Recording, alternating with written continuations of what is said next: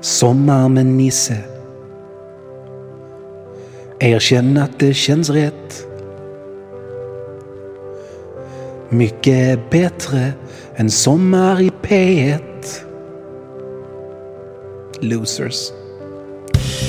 Sommar med Nisse. Och den rockar fett.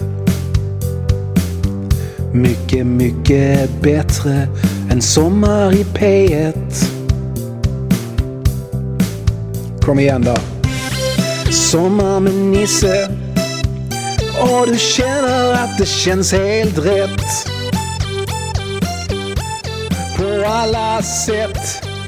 Bättre än P1. Oj, oj.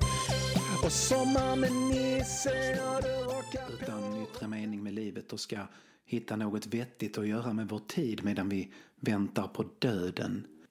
Vi är människor och vi gör saker tillsammans och vi har haft mer än två miljoner år på oss att skapa vettiga samarbeten och funktionella samhällen. Vi vet ju att det är tillsammans vi behärskar naturen. Tillsammans sätter vi oss över evolutionen och ändrar naturen innan den ändrar oss genom sjukdom, död och lejon. Sverige 2023. Så sakteliga går vi tillbaks från semestrarna och tillbaka in i produktionen. Vi har värden att skapa, nyttan att göra, kickoffer att genomlida. Välkommen till folkhemmet.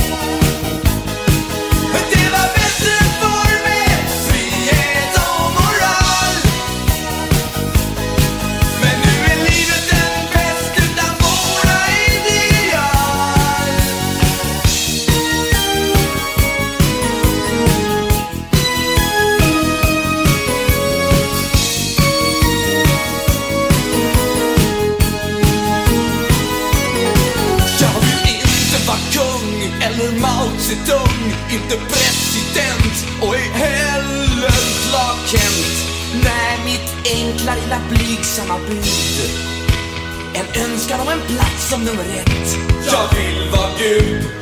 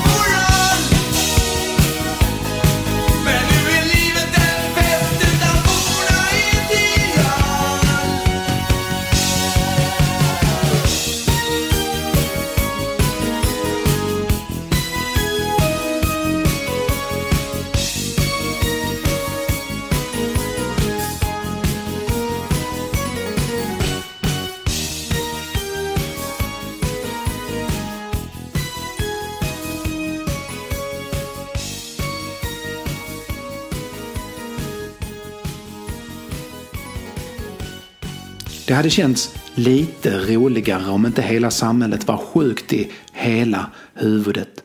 Jag ser mig poetiskt omkring och lämnar Magnus Uggla som vi nyss hörde inleda sitt bästa album Välkommen till folkhemmet med Overtyr och Tjena Alena.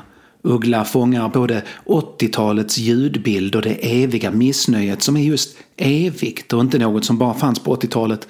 I Tjena Alena blottlägger Uggla konkurrenssamhällets avundsjuka men sätter också fingret på något större. Vi människor nöjer oss inte med att ha högre status än grannen. Vi nöjer oss inte med fina nya airfryern eller matberedaren. Vi vill vara Gud. Vi vill vara Gud men fattar inte att vi hade kunnat vara så nära Gud det överhuvudtaget är möjligt att vara utan att faktiskt vara en inbillad trollgubbe i himlen. Men vi väljer, eller har valt av gammal vana, att inte leva i lustgården. Vi väljer att leva i någon sorts övergivet lekland ute i den skånska ödemarken med förfallna gamla dinosauriestatyer eller liknande istället. Det är vårt val och vi gör det för att vi är helt dumma i huvudet. Det blir en sväng förbi ICA på hemvägen efter första jobbdagen, också Elgiganten för nya kabeln till nya stereon. Du var tvungen att köpa en vinylspelare för alla pratar om vinylspelare eftersom alla köpt vinylspelare trots att de entusiastiskt slängt ut sina vinylspelare för att byta ut dem mot CD-spelare en gång i tiden och sedan slängde de ut CD-spelarna för att streama all musik som numera finns i molnet men det duger inte längre. Nej, nu ska det vara skivor och vinyl och fina kablar ska det vara. Helst i extra bra ljudledaren guld men du drar gränsen någonstans och det får duga med Elgigantens billiga sladdar. Allting finns på Bromma Blocks. Alla affärer man kan önska sig kring en enda stor parkeringsplats. Du jobbar, du får lön, du åker till parkeringsplatsen och ger pengarna till affärerna och sen åker du hem och förbereder dig för nästa omgång av samma sak. Vi jobbar för att kunna betala det som vi behöver, men också för det som vi inbillar oss att vi behöver och de inbillande behoven tar allt större plats i våra liv. Att ha den senaste modellen av vad det än är för något vi fyllt som är mening, som egentligen inte finns där. Det finns ingen mening i airfryern. Egentligen, det är en jävla varmluftsugn. Att ha den senaste köksutrustningen är något vi fyllt med en mening som egentligen inte finns i köksutrustningen. Att ha den senaste bilen är något vi fyllt med en mening som egentligen inte finns där. Hade det inte varit för att vi sedan vi var små programmerats till att tro att själva köpet är målet så hade den där endorfinkicken när vi står där med varan i våra händer inte kickat som den kickar och känslan av tomhet när endorfinnivåerna lagt sig hade inte känts fullt så tomma. Vår ekonomi hade såklart rasat och vi hade kanske svultit ihjäl om vi inte hittat nya behov att tillgodose med det vi producerar men det är inte friskt. Politiken är likadan fast mer uttalat vansinnig. Politiker presenterar lösningar men först efter valen så inser de att de måste hitta problem som låter sig lösas på det där utlovade sättet och det är inte heller friskt.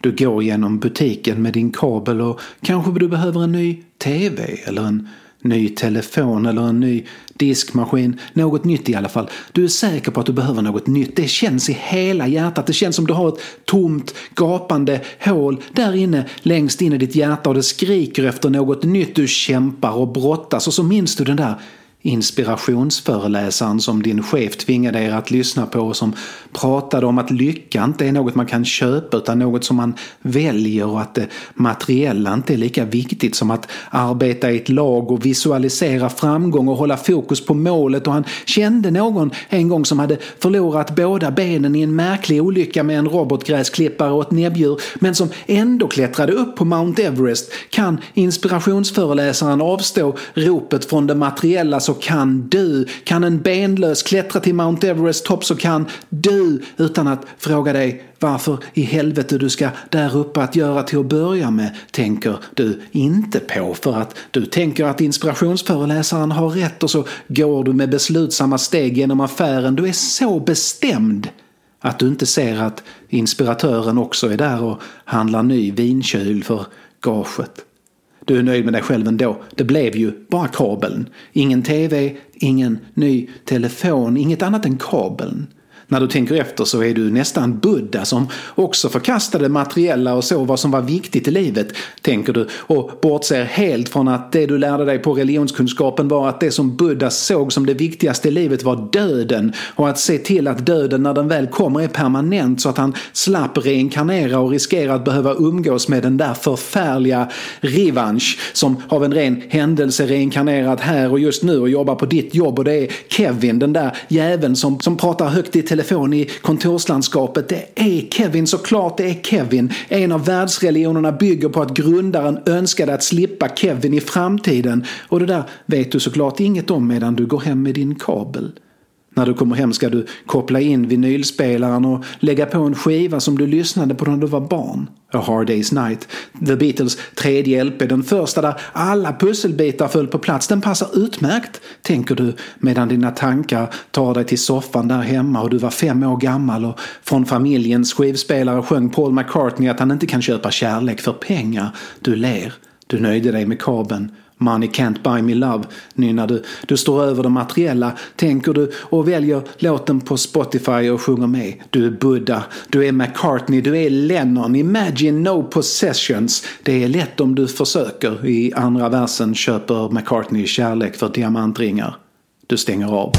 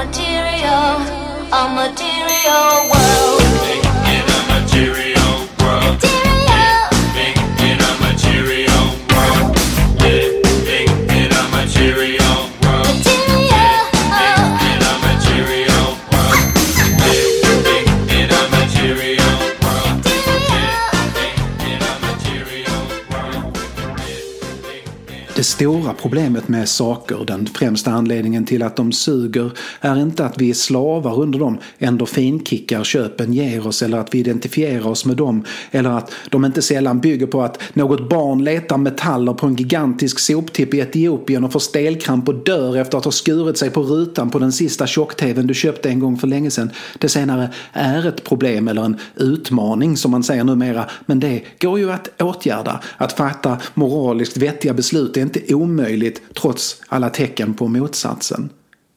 Barnen springer kring dina ben och du kramar och håller dem och de skrattar och du skrattar. Deras barndom är här och nu och de kan fortfarande känna hur magisk den här världen kan vara. De har inte varit på jobbet hela dagen, de har inte jäktat till föräldramötet och de har inte handlat ljudkabel på Bromma, Blocks, skratt och lek och fantasi och allt det som livet hade kunnat vara och det som du längtar efter när du kopplar in ljudkabeln i skivspelaren. Det är det alla som köper skivspelare och plockar upp skivorna från källaren eller beställer begagnade versioner av sådana de tappat bort genom åren längtar efter. Det magiska. Att det får vara nästan som förr om bara så för ett litet ögonblick. Du har köpt dig något som påminner dig om en tid i livet du slapp köpa någonting. Du har köpt dig något som påminner dig om en tid i livet där du slapp sälja saker. Problemet med saker, det stora problemet med saker, är att när vi säljer oss på arbetsmarknaden själva blir saker, inte saker i någon sorts ontologiskt sann bemärkelse, alltså det som finns på riktigt. Vi är materia, men vi är ju också levande. Vi säljer vår tid för att försörja oss och i det avseendet är vi en vara på en marknad. Och det är inget som behöver vara fel. Vi har vår frihet. Kommunisterna säger att vi inte äger våra produktionsmedel men det är bara sant om vi bortser från att vi själva är produktionsmedel.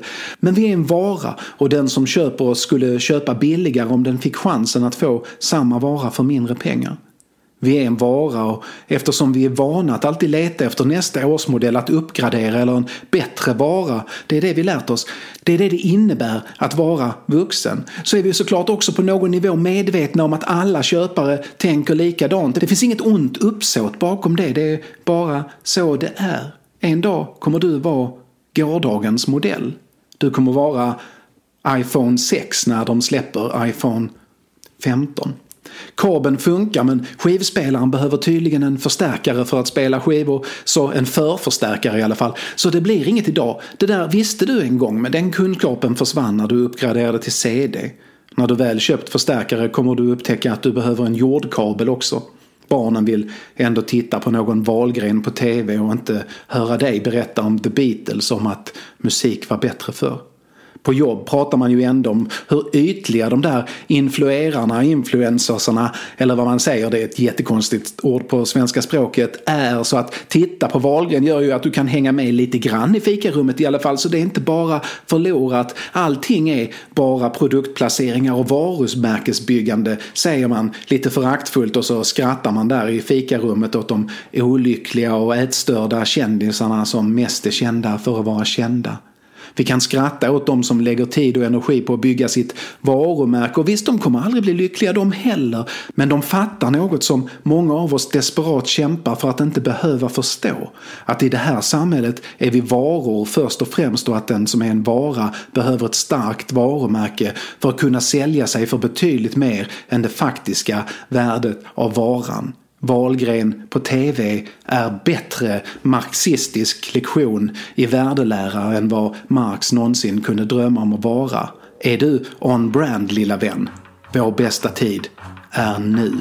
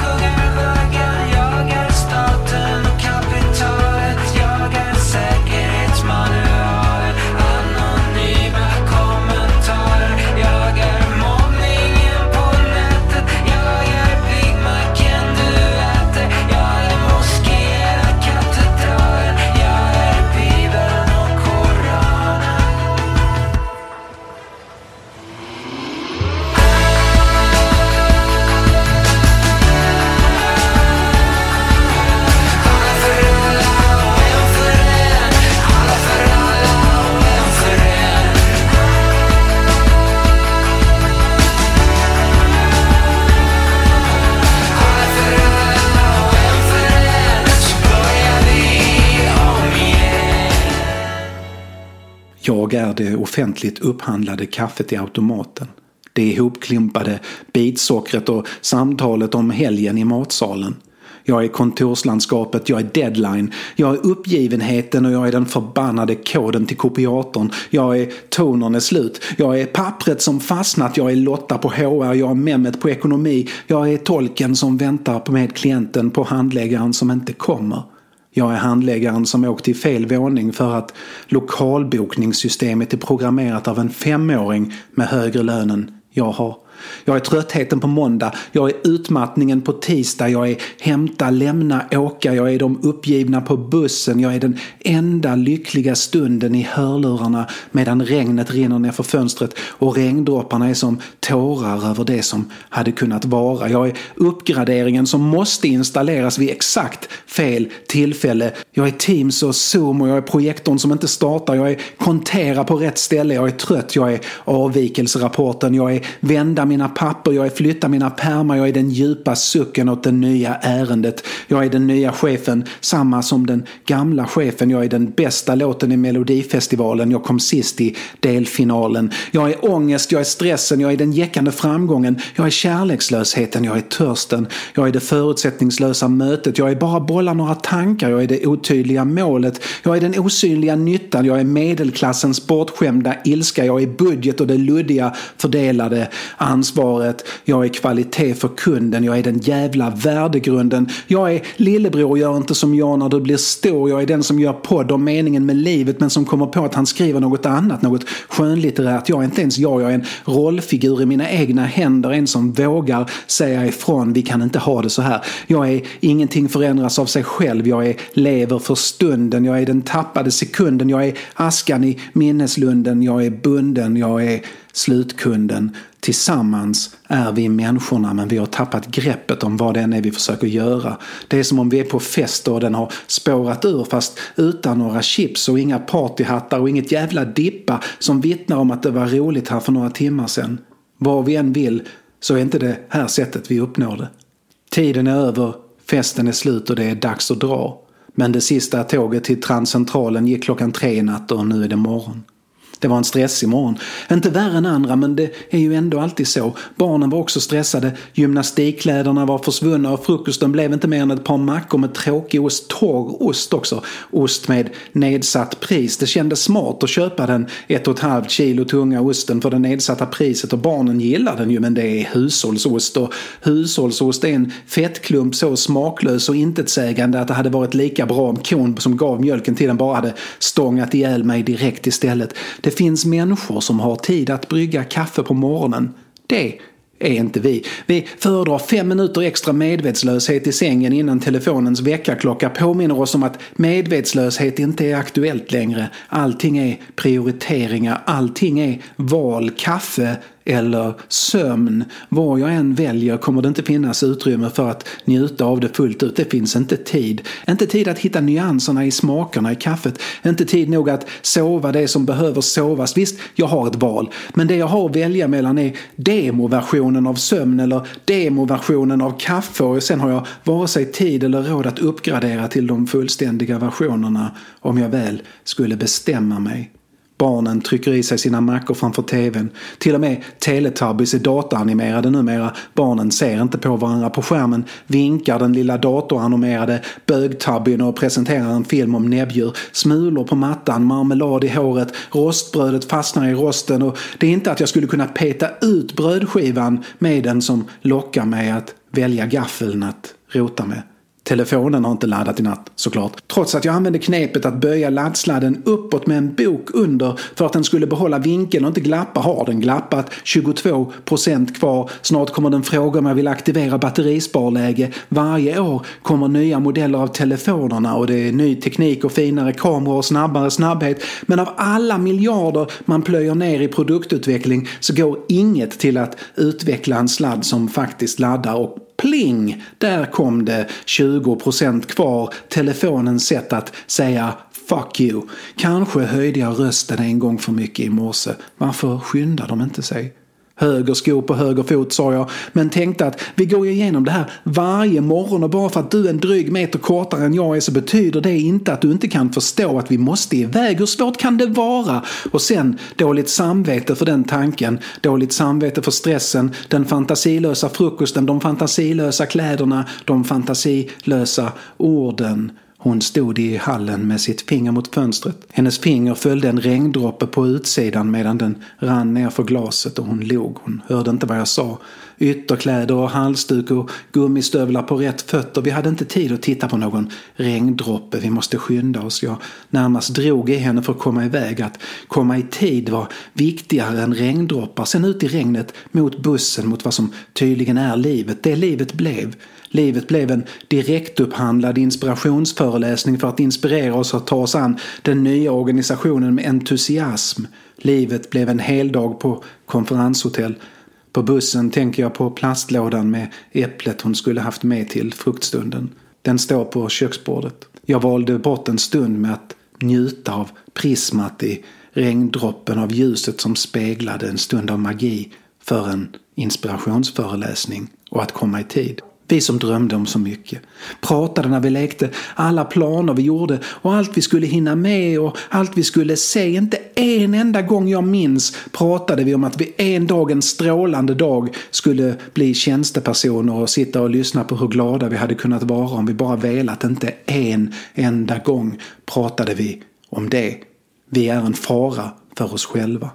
Trots att vi utvinner mer och mer värde har alla möjlighet att leva i överflöd jämfört med hur vi hade det bara för 50 år sedan så har vi ångest över hur lite vi har även här i Sverige där vi verkligen unnar oss en stor del av den gemensamma globala kakan jämfört med våra samlingar och vad det än är vi skit vi visar upp så blir vi ledsna av att ingen tycker att just vår hög med meningslöst skit är den mest imponerande högen med meningslös skit.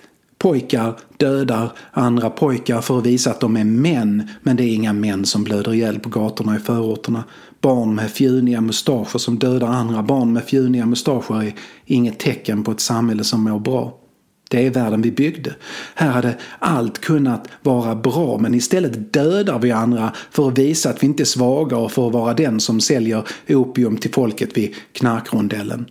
Våra liv är pussel. Och vi håller oss med inspirerande föreläsare och mäklare och stavmixer. Tillsammans producerar vi människor kalorier nog att göra tre gånger så många som vi är på den här jorden mätta men ändå svälter barn ihjäl. Och sen slänger vi mat som blir över här hemma och planeten eldar vi upp. Höjer värmen, eldar fossilt och tycker det är viktigt att man inte ska behöva se några vindkraftverk från vår strandtomt om man tittar noga och använder kikare under molnfria dagar. Vi lånar pengar för att köpa skit vi inte behöver och sen höjer banken räntan och huset kostar. Inflationen dränerar allt vi samlat ihop och du kan inte flytta till en hyreslägenhet eftersom vi slutat bygga hyreslägenheter eftersom marknaden har bestämt att det inte behövs några hyreslägenheter eftersom det inte finns någon efterfrågan på hyreslägenheter och eftersom det inte finns någon efterfrågan på hyreslägenheter så är det 20 års kö till de hyreslägenheter som trots allt finns i huvudstaden. Men om du någon gång skulle hamna först i kön kan du ändå fara åt helvete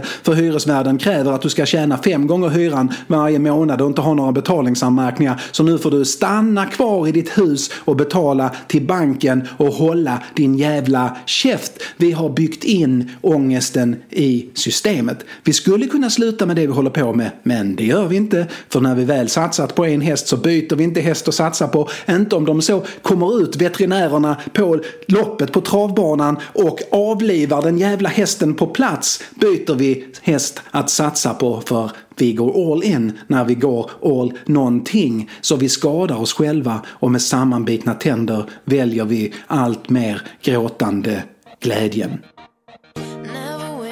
First place. I don't support the team. I can't take direction, and my socks are never clean. Teachers dated me. My parents hated me. I was always in a fight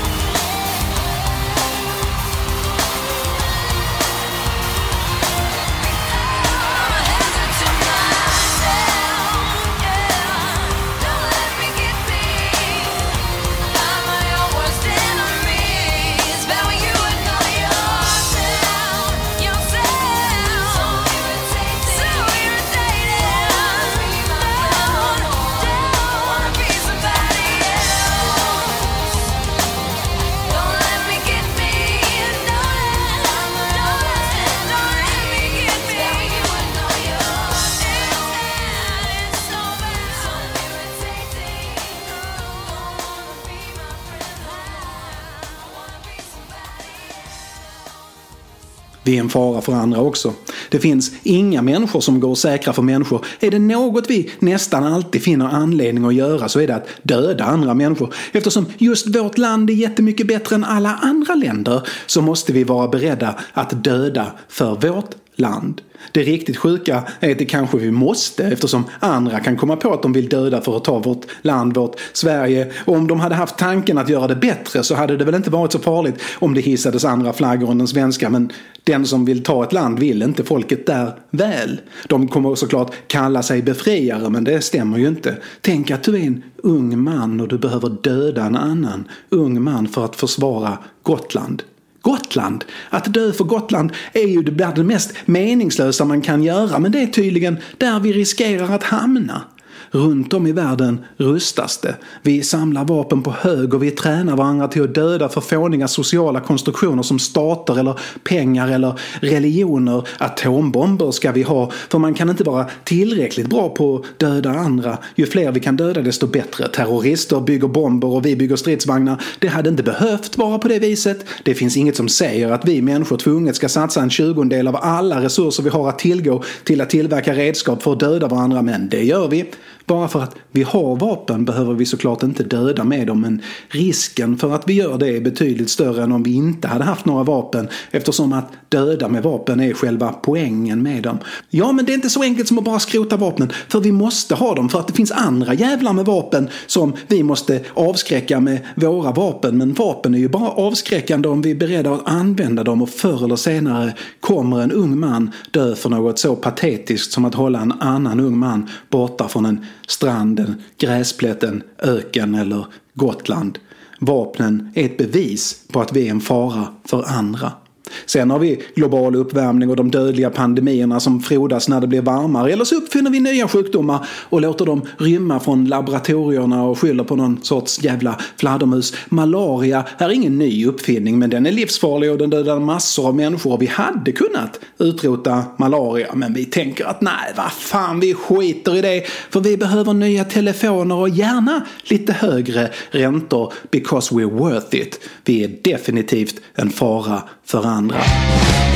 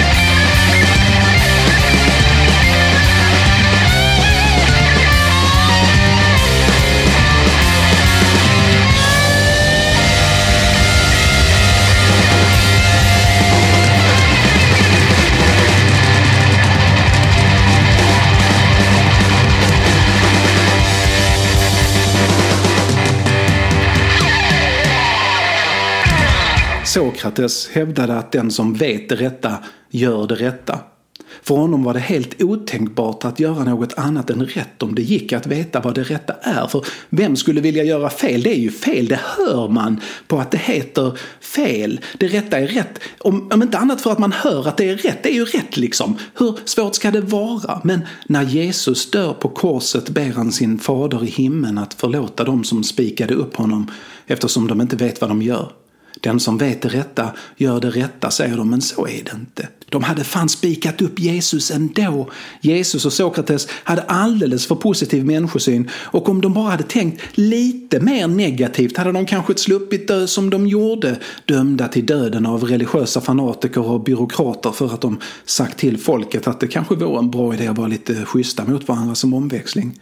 Nej, det är inte alls så att den som vet det rätta också gör det rätta, men det vi sysslar med handlar inte heller om att vi inte vet det rätta. Vi kanske inte vet detaljerna om rätt och fel, men vi vet att vi gör fel. Vi borde i alla fall veta det. Det har vi till och med lite dåligt samvete för. Kanske rent av att vi satsar pengar på att gå i psykoterapi för att prata av oss om ångesten vi känner. För att vi har råd med terapi medan människor svälter ihjäl och deras hem på öar i Indiska oceanen svämmar över. Sen säger terapeuten att det inte är någon fara eftersom det är som det är och det är inte mycket vi kan göra åt saken.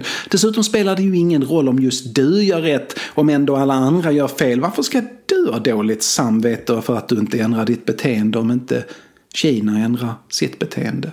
Vi saknar sjukdomsinsikt, de flesta av oss. Vi väljer glädjen och tänker att det löser sig nog. Det gör det inte. Inte av sig själv i alla fall. I Sverige njuter vi fullt ut av vår psykos och bråkar om vilka böcker vi ska få lov att bränna eller hur mycket falukorven får kosta egentligen. Den jävla korvjäveln är för dyr oavsett vad den kostar. Har du läst på innehållsförteckningen? Falukorven är sjuk i huvudet, eller i alla fall sjuk i de restprodukter som den består av. Vi är en fara för oss själva och andra. Vi mår dåligt av det. Vi saknar sjukdomsinsikt. Grattis Sverige! Du gamla, du fria uppfyller samtliga kriterier för att bli omhändertagen enligt lagen om psykiatrisk tvångsvård. Men det finns ingen som kan fatta beslutet eller skriva ut läkemedel. Återstår bara att testa självmedicinering fast vårt land får bara självmedicinera vardagar mellan 10 och 20 eller lördagar mellan 10 och 15 och bara bryggda, jästa eller destillerade droger. Torkade droger är uteslutna på grund av anledningar så pass självklara att vi inte ens vågar utreda dem av rädsla för att resultatet skulle bli något annat än vad vi bestämt att det ska bli. För om resultatet blir något annat så har vi ju låtit människor knarka ihjäl sig och dö i onödan och sånt är ju inte någonting vi sysslar med. Vi har satsat på en drogpreventiv häst och nu har vi satsat på den även om de släpar ut den för att den ska få en chans att göra ett gästspel som ingrediens i Ikeas köttbullar. Vi ses! Nu ska vi döda våra barn.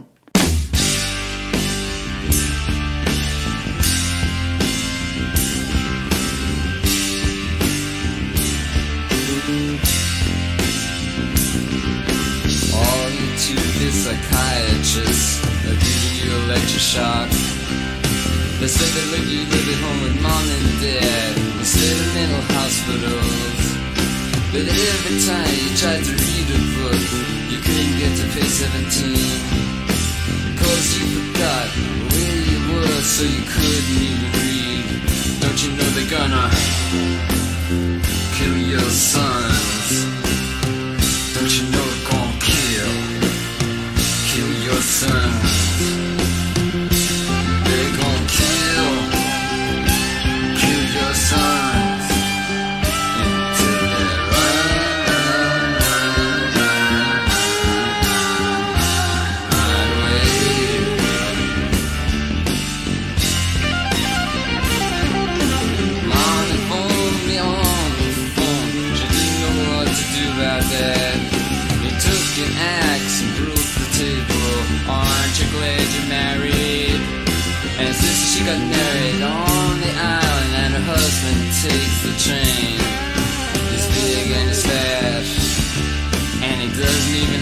have a.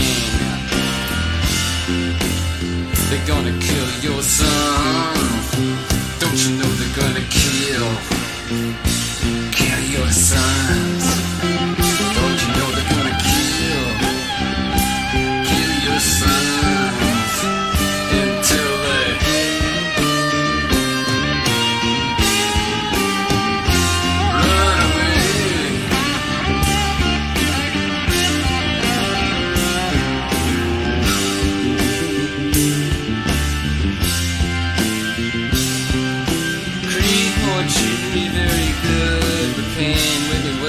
better.